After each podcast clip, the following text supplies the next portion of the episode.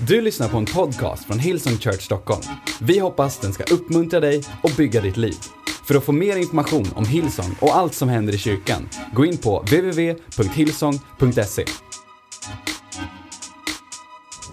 All right. Well, fantastiskt. Det känns som jag predikar för hela Stockholm för dörrarna är öppna och vi, vi använder den ventilation som fanns när man byggde den här kyrkan, nämligen öppna dörrarna. Så, eh, vilket är fantastiskt. Om du tycker att det har varit varmt här inne några veckor så jag trösta dig med att snart så kommer det regna i fyra månader, snöa i två veckor och sen så kommer våren komma alldeles för sent. Så det blir kallt som vanligt, så, så passa på och njut. Uh, jag vet inte om du har haft uh, uh, om, om du har haft något fysiskt, någon fysisk åkomma någon gång som människor vet om. Jag har två diskar som är trasiga. Jag ska operera dem framöver här. Haft problem med det i sommaren och Eh, de har inte riktigt bestämt om de ska sätta i proteser eller steloperera eller greja och sådär.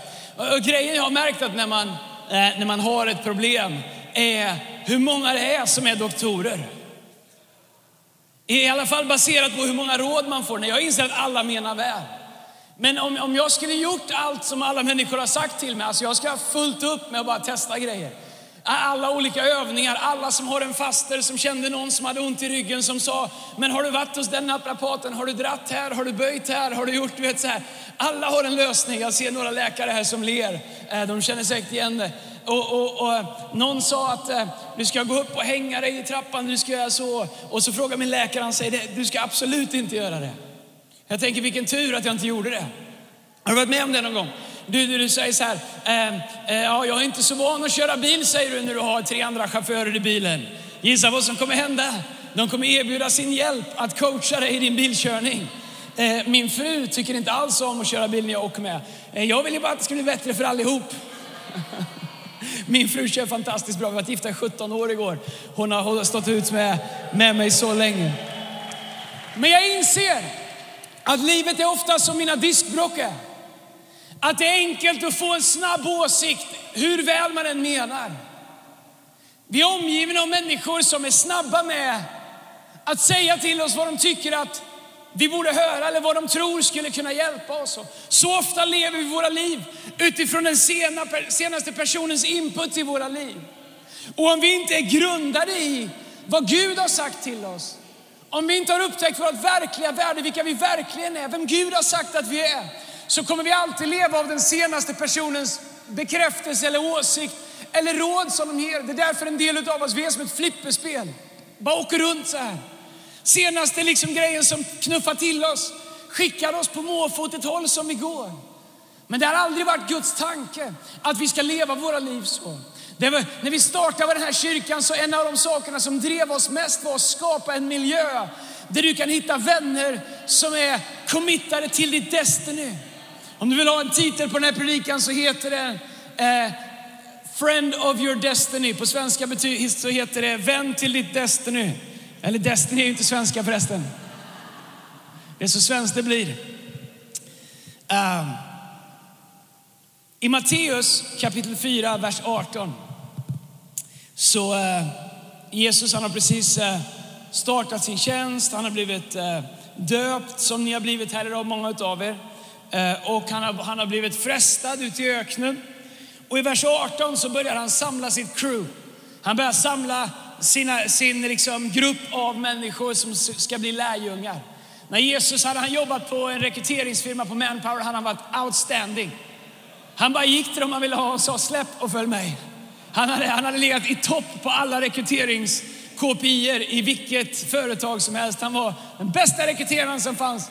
Han sa till dem, följ mig. Inga följdfrågor, inga avtal, inga intervjuer, ingen plan. Han levererade ingenting till dem. Han sa bara, sluta med det där jobbet du har och följ mig. Ska vi läsa om det? Det står i Matteus 4, vers 18 så står det, en dag när han vandrade, alltså Jesus, längs Galileiska sjön fick han se två bröder. Simon, som kallas Petrus, och Andreas. Allt jag vet är att jag och Petrus är med i Bibeln i alla fall. Jag är säker på att Vanessa finns här någonstans, jag har bara inte kommit dit. De höll på att kasta ut nät i sjön för att de var fiskare.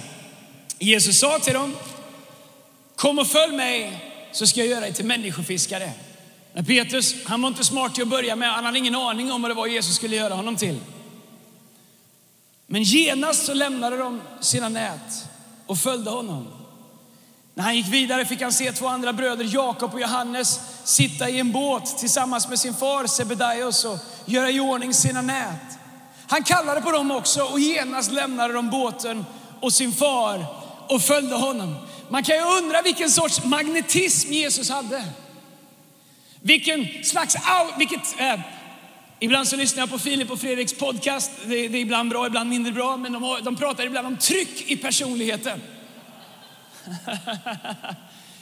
kan du tänka dig vilket tryck Jesus hade i personligheten? När han kom fram till två stycken, Jakob och Johannes, som sitter och grejar med sina nät i sin fars båt och säger, hej, sluta med det och följ mig. Absolut.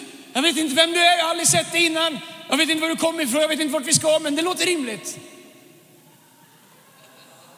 Tryck i personligheten.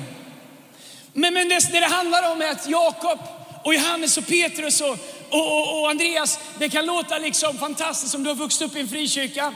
Eh, det gjorde jag. Jag lämnade min tonårsperiod. Jag kommer ihåg när jag, när jag växte upp i, i kyrkan. Det var innan Powerpoint. Okay? Nu har vi inte Powerpoint heller, utan vi har något annat program här eh, som ingen människa begriper utom de som håller på med det. Men innan Powerpoint och innan overheaden, come on somebody. Jag hade som uppgift ett tag att sköta overheaden. Eh, så fanns det flanellograf. Det var den tidens grafik, grafiska support till ett föredrag som fanns. Det var en bit filtduk, ibland med tryckt mönster på och himlar och jordar och grejer. Jag tror att samma duk funkade till alla stories. Och så hade de små figurer som man kunde sätta fast där på. Och jag växte upp med det. Och Jesus kom och Johannes och Jakob och Andreas och Petrus, de följde Jesus. Men när jag läste det här, har läst det sista veckorna, så tänker jag, det är ju sjukt.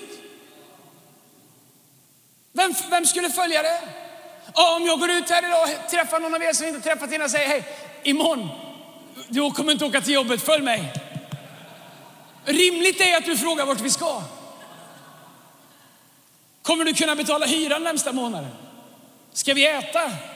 När är vi fram? Du vet, så här, det är logiska frågor, men inget sånt finns nedskrivet i Bibeln. Och när man börjar fundera mer på vad som verkligen sker här så är det inte bara så att Petrus, och Andreas, och Jakob och Johannes lämnar sitt yrke. De lämnar hela sin identitet. Därför att när vi studerar Bibeln så ser vi att Bibeln använder yrke och, och, och ställen man kommer ifrån för att definiera så många olika saker. På den här tiden så fanns en människas identitet i vad de jobbade med. Petrus var fiskare. Det innebar att han kom från en fiskarfamilj. Från Galileen, han var från ett ställe så, så när, när man vet att Petrus var fiskare därifrån så vet man han, han hittade sin plats i tillvaron utifrån den by han var född i. Det yrke han hade lärt sig av sin far. Det, det, den släkt som han var, det var en fiskarsläkt. Han visste att det var var han kom ifrån. Han visste att det var hans framtid. Det gav honom en plats i samhället, det gav honom trygghet. Det var hans släkt. Att be någon sluta med sitt yrke handlar inte bara om att, nej men jag vill hitta mig själv, jag ska byta jobb. Inte alls det. Eller jag vill ha ett karriärsombyte. Det fanns inga syokonsulenter på den tiden. Var du född i en fiskarfamilj så var du fiskare. Det var din identitet. Det var, det var din enda tårtbit i livet. Så när Jesus kommer, come on youth. Så när Jesus kommer och ber honom lämna det, så ber han honom inte sluta fiska. Han ber honom lämna allting som har någon form av substans i hans liv. Han ber honom kliva upp och lämna sin framtid, lämna sin trygghet. Lämna vem han var i samhället, hur han passar in i, i den region han kom ifrån. Utan Simon fiskaren så var han bara Simon. Petrus, han var ingenting. Så det Jesus gör är att han kommer till de här och han ber dem lämna. Människor definieras av vart de hade fötts, sin släkt, sin identitet, platsen i samhället, framtid och trygghet. Och, Jesus ber dem lämna allt det. Då kan man ställa sig frågan, var det rimligt? Kanske är du här idag och du tänker, är Jesus rimlig? Nej, det skulle jag vilja vara ärlig och säga direkt att det är han inte. In, inte ens nära. Han säger att när vi är trolösa så är han trofast. Han säger att när vi faller så går han inte vidare utan han stannar och lyfter oss upp igen. Han säger att godhet och nåd, endast godhet och nåd ska följa oss i alla våra livsdagar. Jag vet inte hur det är med alla dina livsdagar, men det är inte alla mina livsdagar som jag känner att godhet och nåd borde följa mig. Det har jag gjort mig förtjänt av. Så, så Jesus han är inte rimlig, han är ganska gravt orimlig i sitt sätt att approacha oss allihopa. Men här så går Jesus till dem och han ber dem lämna allting, ta en stor risk. Men frågan vi måste ställa oss när vi undrar om Jesus är rimlig när han gör det är, är Jesu intention att göra deras liv större eller mindre? Är hans intention att göra deras liv kortsiktigt osäkrare för att ge dem möjligheten att fullfölja ett Destiny som de inte ens visste fanns. För det var ingen fiskare som hade berättat för Petrus att en dag ska du stå upp på något som kallas för pingstdagen och när ingen annan vågar ska du kliva fram och tusentals människor ska bli frälsta. Tusentals människor ska lära känna Jesus. Du ska grunda den första församlingen. Du ska vara ansvarig för att förvalta det evangelium som du har hört Jesus tala om. Det var ingen som hade sagt det till Petrus. Han skulle ju bara fiska. Så när Jesus tar honom ut ur det han känner till så gör han det därför att det finns någonting längre fram som Jesus redan vet om. Så ofta när Jesus kallar oss så sätter vi oss ner och säger, nej, man kanske inte får sitta på den. Jesus, jag skulle gärna följa dig men du förstår att jag har ju tänkt det här. Jag har en företagsidé. ja, vad bra, säger Jesus. Uh, jag har också en idé för dig. Din idé är liten. Den är mänsklig. Den är byggd på vad du kan koka ihop. Bra jobbat med, med utifrån förutsättningarna, absolut. Men Jesus säger så här, så mycket högre som himlen är från jorden, så mycket längre, längre som öster är från väster, så mycket större är mina tankar för dig. Jeremia 29.11 säger Jesus, jag vet vilka tankar jag har för dig, nämligen fridens tankar om en framtid och ett hopp. Så Jesus, ibland när jag ber, jag är övertygad om att när jag ber till Gud ibland, eller jag berättar för honom mina drömmar och mina planer, så tänk, jag tänker att Gud han sitter där och ler Ja. Men, och så säger han till, till Fadern och till den helige Ande, det är ju ändå det är fint att han försöker, eller hur? Han har en ambition någonstans. Det, det, jag vet att han tycker att han har tagit i nu, men kan vi inte skapa något igen? Kan vi inte göra djur? Det är länge sedan vi gjorde djur. Kan vi inte skapa en planet? Kan vi inte, kan jag inte få göra något stort? Jesus han vill bara, han vill skapa något stort och vi säger, ja, eh, ska jag köpa en korvkiosk? Det är inte fel att köpa en korvkiosk, men Gud kanske ger en korvfabrik. I don't know. Gärna någon i vår kyrka med en korvfabrik. Det är något av det bästa jag vet, korv. Jag känner det just nu, böjer huvudet och sluter ögonen. Om Herren talar till dig så är det nog Gud. Fördel nötkött skulle jag vilja säga i korven. Men Jesus drar dem ur sin kontext för hans ambition är att göra deras liv större. Det andra som jag ser i texten är att Jesus kallar Petrus och Andreas och Jakob och Johannes in i en kontext där deras potential och deras destiny kan fullbordas. Vet du vad? Så mycket av vår framtid har att göra med vilken kontext vi är i. Jag vet inte vilken kontext du kommer ifrån. Jag, jag kan bara säga att oavsett hur stor den är så är den inte lika stor som den kontext som Gud vill föra dig in i relation med honom själv. Oavsett hur stora planer du har så är de inte så stora att det kommer räcka för att fullborda det Destiny som Gud har på insidan av dig. Och jag inser att något av det första som Gud måste göra är att ta oss ur våran kontext där vi är vana att tänka våra tankar, där vi har satt våra gränser för vad som går, där vi har satt våra rimlighetsparametrar. Och jag inser att ska Gud kunna göra det i oss som han vill så måste han ofta ta oss ut ur det som är våran vardag, där vi har byggt våra väggar och byggt byggt våra ramar, våra kritade spelplaner där vi säger, det här kan du göra Gud. Men du förstår, det Gud vill göra får inte plats på våra spelplaner.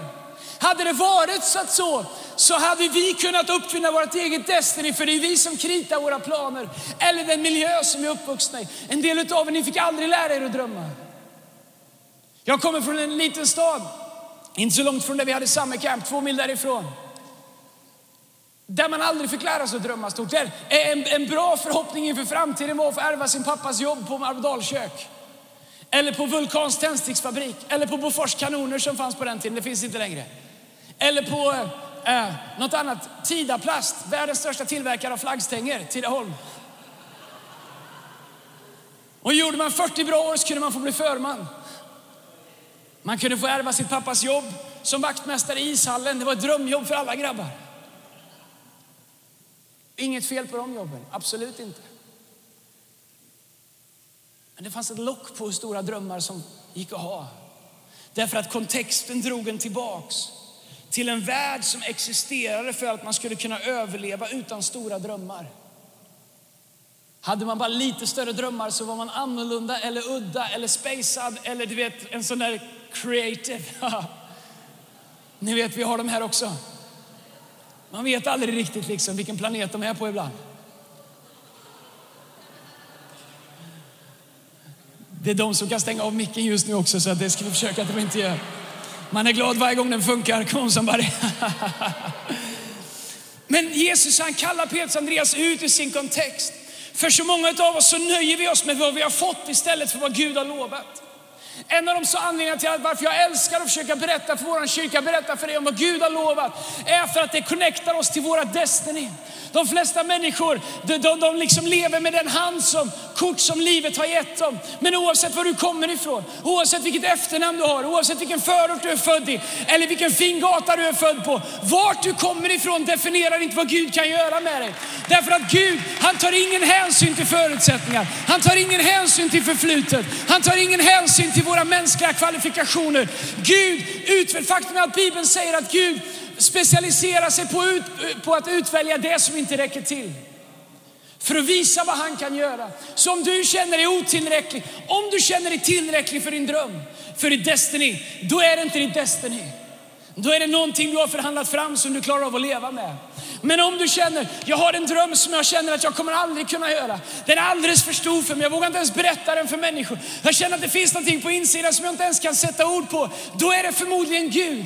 Och det Gud så ofta behöver få oss att göra det är att lämna en liksom small-minded kontext av tänkande ibland människor för att sätta oss på en plats. Det Jesus gjorde var att han tog fyra fiskargrabbar och sa kom och följ mig. Titta på mig i tre år. Titta han är lam, nu ska han gå. Titta han är blind. Det hade de aldrig gjort när de fiskade innan. De hade aldrig sett en blind få sin syn tillbaks. De hade aldrig sett en död uppstå. De hade aldrig delat ut mat till 5000 på två fiskar och fem bröd. De åt bara den fisk de fångade. Så Jesus var tvungen att ta dem ur en kontext. Ibland tror jag att det är svårare för Gud att ta oss ur vår kontext än vad det är för honom att ta oss in i det han har lovat. Jag undrar vad Gud skulle få göra, kunna göra i våra liv om han bara fick tillåtelse ibland att ta oss ur våra invanda mönster, våra förutfattade meningar, våra kontexter vi bygger upp som begränsar Gud. Om Gud verkligen fick vara Gud. Där vi sa Gud, Gud min enda vilja är att följa dig vart du än går.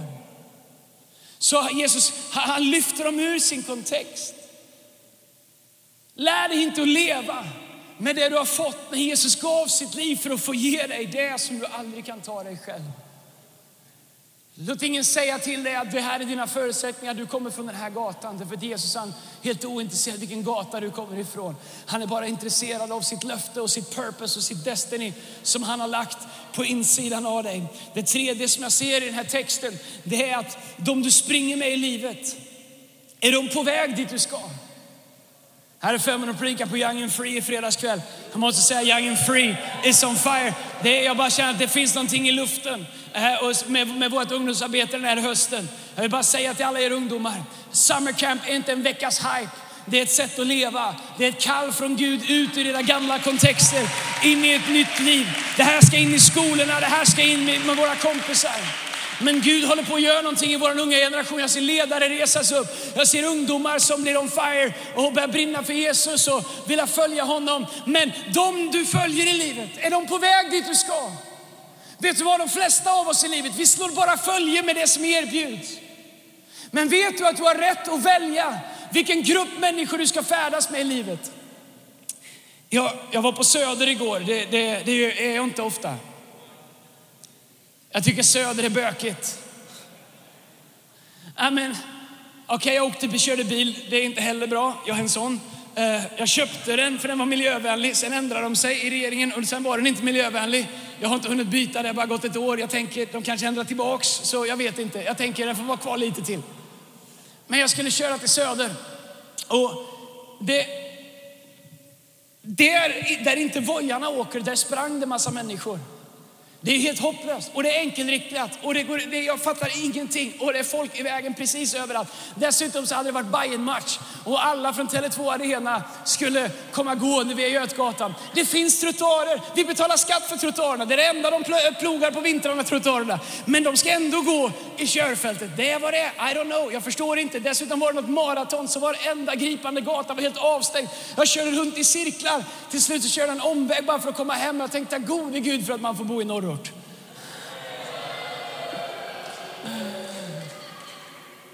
I, i, I förra veckan så skulle vi käka middag i måndagskväll med Nick och Chris. Hur många älskade att höra Christian Kane förra söndagen här då? Jag kommer och kör. Jag ska ner på Humlegårdsgatan och jag kör på en liten, jag kör på en liten, liten äh, väg. Eh, en, enkelriktad och det är bilar parkerade på båda sidorna. Och, och jag kommer där, vi, lite, vi har bråttom äh, när vi ska dit och jag ser någonting som jag aldrig har sett innan. En löpargrupp. Nej, jag har inget emot löpargrupper. Eller jo, lite. Alltså inte i princip. Men, men det sitter en löpargrupp, alla har köpt likadana byxor. Jag tänker, vad är det för fel på shorts? Det kan inte vara, det kan inte vara bra för män att ha sådär tajta byxor. Det kan aldrig vara tanken. Jag menar, det finns ju fotbollskors, det finns alla möjliga, men alla hade the one size fits all. I know 2019, det är vad det är. Men det satt de, tunna som sugrör, atletiska, linnen och överarmar som är så här tjocka, byggda för att glida som antiloper i stadsdjungeln. Jag tänker, spring i skogen. Spring inte här inne, det är biltrafik här inne. Men den här löpargruppen, om du nu var med i den här löpargruppen så ber jag om ursäkt för jag kommer berätta vad som hände. Eh, de har satt sig, men inte bara på trottoaren utan de sitter ute i hela körbanan och stretchar. I bilkörbanan. I alldeles för små byxor. Och alldeles för tunna kroppar. Jag tänker när jag glider fram med mina förutfattade meningar och fulla fördomar. För att jag själv inte springer. Alltså jag har försökt att springa flera gånger. Jag har köpt nya löparskor tre gånger minst. Men så börjar jag springa och så tänker jag så här, på hela vägen, jag ska ju ingenstans. Alltså släng ut en boll, jag kan springa i timmar. Då har man åtminstone något att följa och jobba med. Men nej, jag vänder och går hem efter hundra meter. Alltså det går inte. Jag har försökt, jag ska tänka långsamma tankar, låta tankarna försvinna. Försvinna? Jag har tvångstankar, det går ju inte. Jag går hem. Det var det. Så jag glider upp mot den här löpargruppen. Jag tänker, de kommer nog flytta sig när de ser att en grill på en bil närmar sig dem. Men jag inser att vi är i centrum. Där sådana som jag, bilister, står längst ner på listan av avskum. Och med någon slags självbelåtenhet så tittar 20 löpare upp på mig som, vad gör du här? Ja, det är en bilgata här. Vi är en löpargrupp och vi sitter var vi vill. Jag tänkte, nej jag ska inte säga vad jag tänkte, men innan jag har sagt någonting säger Lina, snälla Andreas tuta inte. Hon vet hur nära vi är. ja, jag är inte bättre än så här, men jag talar i alla fall sanning, det är värt något. Jag säger okej okay, Lina, de får tio sekunder och det är dubbelt så länge som jag hade tänkt från början. Tio sekunder går. Först tittar de på mig, sen tittar de bara bort. Det finns ju inget att stretcha. Du väger 45 kilo kvar och du har löpt hela ditt liv. Du har ju ingenting att stretcha. Ställ dig upp och jogga hem. Men jag inser att det finns människor som betalar för att löpa i grupp. Faller för grupptryck och klä, köper kläder som ingen människa borde ha. Ni kan skicka era mejl till tobias.gard.tilson.se. Hur som helst, det händer ingenting så jag tutar och jag håller bara några sekunder för länge på tutan. Långsamt, med inte alls kärleksfulla blickar, reser sig löparna upp och då är de minsann inte så snabba. De där som kasar sig upp och rinner av vägbanan. Jag inser att det finns människor som löper i grupp. Bra. Nej, men det är bra. Nej, men det är bra. Men du förstår, i livet så löper vi också i grupper. Du har en löpargrupp i ditt liv som du löper med. Problemet är att så många av oss tar aldrig chansen att bestämma vilka som ska vara i vår grupp. Vi släpper in massa människor i vår löpargrupp som får bestämma tempo, distans, riktning, mål. Och så följer vi bara med en del av oss. Vi löper kanske inte ens med människor. Vi har löpare i vår grupp. En del heter förflutna, en del heter tidigare misstag, en del heter skadad självbild, en del eh, heter bekräftelsebehov. Och så skapar vi oss en löpargrupp som vi springer i, som vi låter definiera vart vi går i livet. Och vi lägger, överlämnar våra destiny i händerna på människor som inte alls är committade till att ta oss dit Gud har kallat oss till att ta. Så det jag ser med Jesus är att han tar Petrus och Andreas och Jakob och Johannes och han lyfter dem ur, inte nödvändigtvis dåliga människor, men människor som aldrig skulle kunna ta dem dit Gud hade skapat dem och fött dem för att gå. Så någonting som jag skulle vilja uppmuntra dig att göra det är att inventera din grupp. Vem springer du med i livet? Människor som springer med dig, vart är de på väg? Jag har så ofta haft människor i mitt liv inte de sista åren, så du behöver inte undra vem det är. Som har sagt, kom on, vi måste inte köra så hårt. Vi måste inte springa varje dag. Måste vi verkligen ha möte varje söndag hela sommaren? Måste vi verkligen ha, ha, ha gjut veckan efter summer camp? Ska vi inte bara sätta oss i vägen och stretcha så vi förstör för alla andra? Men du förstår att då behöver man ha vänner i sin grupp som säger, kom on Andreas, vi kör idag också. Jag vet att, det, att, att gårdagen var tufft, men kom on Andreas, du kan springa lite till. Och när jag känner att jag vet inte om jag orkar mer, jag vet inte om jag har det som krävs, jag vet inte om jag är tillräckligt bra, så tack gode Gud för att vi får chansen att bjuda in människor i våran löpargrupp som säger come on, om du inte orkar, vi håller dig under armarna, vi hjälper dig lite grann. Om du känner att du har ont i knäna, come on, du får, du får rida på våra axlar lite grann. En del av oss behöver byta människor som vi springer med. Gud säger, säger att vi ska älska alla människor, men han säger inte att alla behöver springa med oss. Inte ens Jesus lät alla människor följa honom när han gick här i tre år. När lärjungarna sa till Jesus, Jesus du behöver inte gå undan och be, du behöver inte dra undan, kom och var med oss och parta istället. Sa Jesus, du förstår, jag har bröd att äta som ni inte vet om, som ni inte förstår. Till och med Jesus var tvungen att vara selektiv ibland vilka han sprang med. Så jag ser att Jesus han, han kallar ut Petrus. Det finns ett uttryck som heter, säg mig vem du umgås med så ska jag säga dig vem du är. Men jag skulle vilja också säga att det finns ett uttryck från och med idag. Säg mig vem du springer med så kan jag berätta för dig vart du kommer.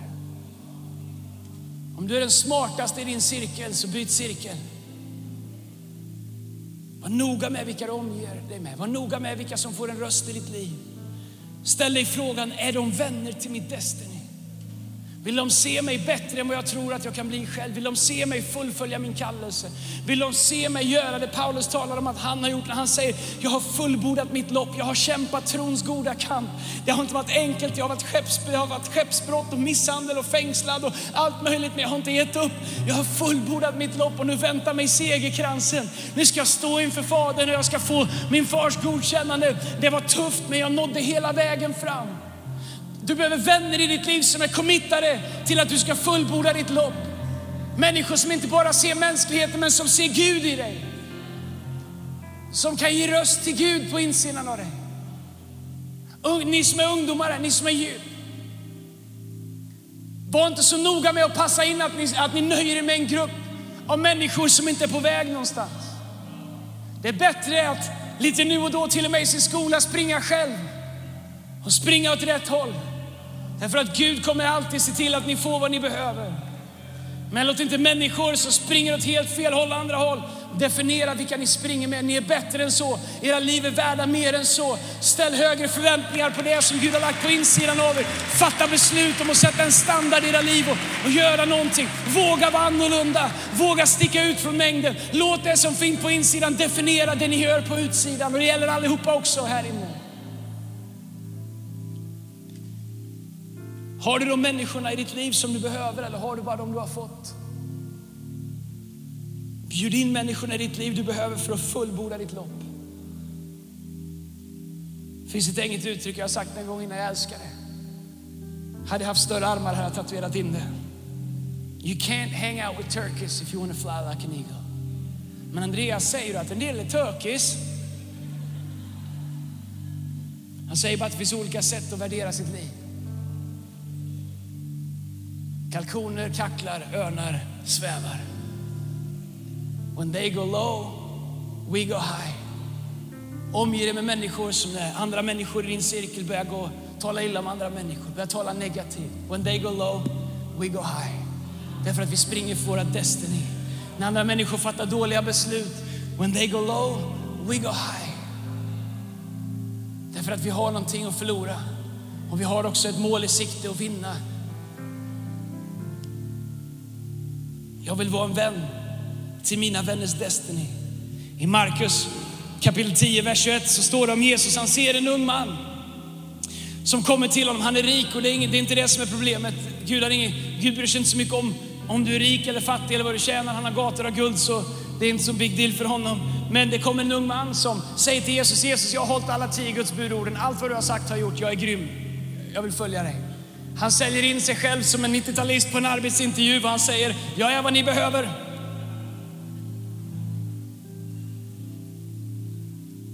Och så rabblar han upp allt som är bra med honom. Bibeln säger i Markus kapitel 10, vers 21 så står det så här, då fylldes Jesus av kärlek och såg på honom och sa, det är bara en sak som fattas dig. Gå och sälj allt du äger och ge pengar åt de fattiga, då ska du få en skatt i himlen. Kom sedan och följ mig. När det Jesus inte säger till honom är att du, kan, du får inte ha några pengar, det är fel, din rikedom står i vägen för din frälsning. Det är inte det. Det han säger är, du, du, du har inte din, din tro på mig, du har inte din förhoppning på mig, du har din trygghet i dina ägodelar. Du har din religiösa rättfärdighet och präktighet i att du har hållit lagen, men du har din trygghet i ditt bankkonto. Du kan inte följa mig och fortfarande ha din trygghet i, i, i någon kontext som inte håller. Men jag älskar hur versen börjar när det står att då fylldes Jesus av kärlek till honom. Såg på honom och sa. Jag undrar om du har människor i ditt liv som får älska dig tillräckligt mycket för att se dig i ögonen och säga vad du behöver höra, inte bara vad du vill höra. Jag önskar att vi skulle vara en kyrka. Problemet är, inte minst i kyrkor, att vi har en massa sanningssägare som inte har kärlek. En massa sanningssägare eh, som säger massa saker. Live eller på sociala medier eller bloggar och annat. Sanningssägare, en del kallar sig för väktare på muren. Vad skön är det? Vilken mur är det egentligen? Sanningssägare. Vad Bibeln säger att om du saknar kärlek, då har du ingenting. Paulus skriver i första Korinthierbrevet 13, om du saknar kärlek, då är du bara en, eh, som en symbol som för oväsen, som en tunna som dundrar. Du har ingenting om du saknar kärlek. Men Jesus fylls med kärlek och ser på honom. Och han säger till honom, inte det han ville höra, utan han behövde höra. Har du människor, har du släppt in människor i ditt liv som får älska dig tillräckligt mycket för att se dig i ögonen och säga dig det du verkligen behöver höra? Om, om det inte det går att säga till dig i kärlek det du behöver höra, så har du förminskat ditt liv ner till ett litet liv. Om du vill ha ett liv där du kan leva ut ditt destiny, se till att det går att tala in i ditt liv. Att människor kan, älska, kan få älska dig tillräckligt mycket. Jag vill att vår kyrka skulle vara en kyrka där vi älskar varandra så mycket att vi alltid vill hjälpa varandra in i det bästa versionen av oss själva, in i det bästa livet av oss själva. Drivna av kärlek, drivna av att inte se någon av oss leva ett mindre liv än vad Gud gav sitt liv för att vi skulle få ha. När vi ser människor runt omkring oss som, som strävar och kämpar eller fattar, till och med kanske fattar dåliga beslut så är vi inte där och petar och dömer utan vi är där och älskar och lyfter och talar uppmuntran och liv in i deras situation därför att vår drivkraft är kärleken. Inte bara att få säga sanningen eller i alla fall våran sanning till dem. Det fjärde som jag ser, jag ska avsluta med det. Första av 29 avslutningar som jag har. Petrus och Andreas kastade sina nät genast, står det. Genast kastar de sina nät. Ingen förhandling, ingen jämkande. Genast kastar de sina nät. När de kastade inte bara sina nät för att de höll nät i händerna. Det de kastade är sitt jobb, sin identitet, sin tillhörighet i samhället, sin, sin, sin, sin släkt, sin bakgrund, sin trygghet, hela sitt sociala system, hela sitt sociala skyddsnät. Omedelbart när Jesus bjuder in dem till ett annat liv så, så släpper de allt det och följer honom. Och jag inser att en av anledningarna för att det är så svårt för så många av oss att ta emot vad Gud har för oss är att våra händer fortfarande är fyllda av våra nät. Och jag inser ju längre jag lever och ju längre jag vandrar tillsammans med Gud att svårigheten är inte för Gud att få det som är från honom till mig. Svårigheten är för mig att släppa mina nät så jag kan ta emot vad han har. Vi lyfter våra händer till Gud och ibland känns det som det inte går. Men har du tittat så att det inte är för att du lyfter dina nät samtidigt. Det som du har valt att ha din trygghet i, det som du alltid har haft, det som du vägrar ge upp. För en del av er är det kanske status, för en del av er kanske är ert förflutna, någon som svek er, bitterhet, oförlåtelse, I don't know. Saker vi släpar med oss som stora nät. Men jag lovar dig, jag har Guds ords löfte på dig, att om du släpper ditt nät så har Gud lovat att han ska ge dig det bara han kan göra. En del av oss behöver bestämma oss här idag för att släppa våra nät. Eh, för en del av oss så är näten, Gud jag följer dig på de här villkoren. Nät. Gud jag började följa dig men så träffade jag en av dina och han var ett pucko. Så nu följer jag inte dig längre. Nät. Har du bara träffat ett så är du lycklig. Allt som vi låter stå i vägen för det som Gud vill ge oss. Nät. Första Mosebok kapitel 12, vers 1 så säger Gud till Abraham. Herren sa till Abraham, gå ut ur det land och från din släkt och din fars hus och bege dig till det land som jag ska visa dig. Där ska jag göra dig till ett stort folk. Jag ska välsigna dig och göra ditt namn stort och du ska bli en välsignelse. Så samma princip. Gud säger till Abraham, Abraham lämna allt du känner till, lämna ditt, ta med allt du har, lämna din släkt, ditt land där du har vuxit upp, ta allt det och så packa ihop det och så börja gå. Och, och, och, och Abraham säger, vart ska vi? Och Gud säger, det säger jag sen, gå till den plats som jag ska visa dig. Men det är inte bara det att Gud vill att han i tro ska börja gå, utan det finns också något annat här, utan Gud säger, gå till den plats som jag ska visa dig. Där ska jag välsigna dig. Vet du vad jag tror av hela mitt hjärta? Jag lever efter principen att det finns ett där, där Gud vill välsigna mig. I varje säsong så finns det ett där för mig. I, när jag går igenom sjukdom så finns det ett där för mig.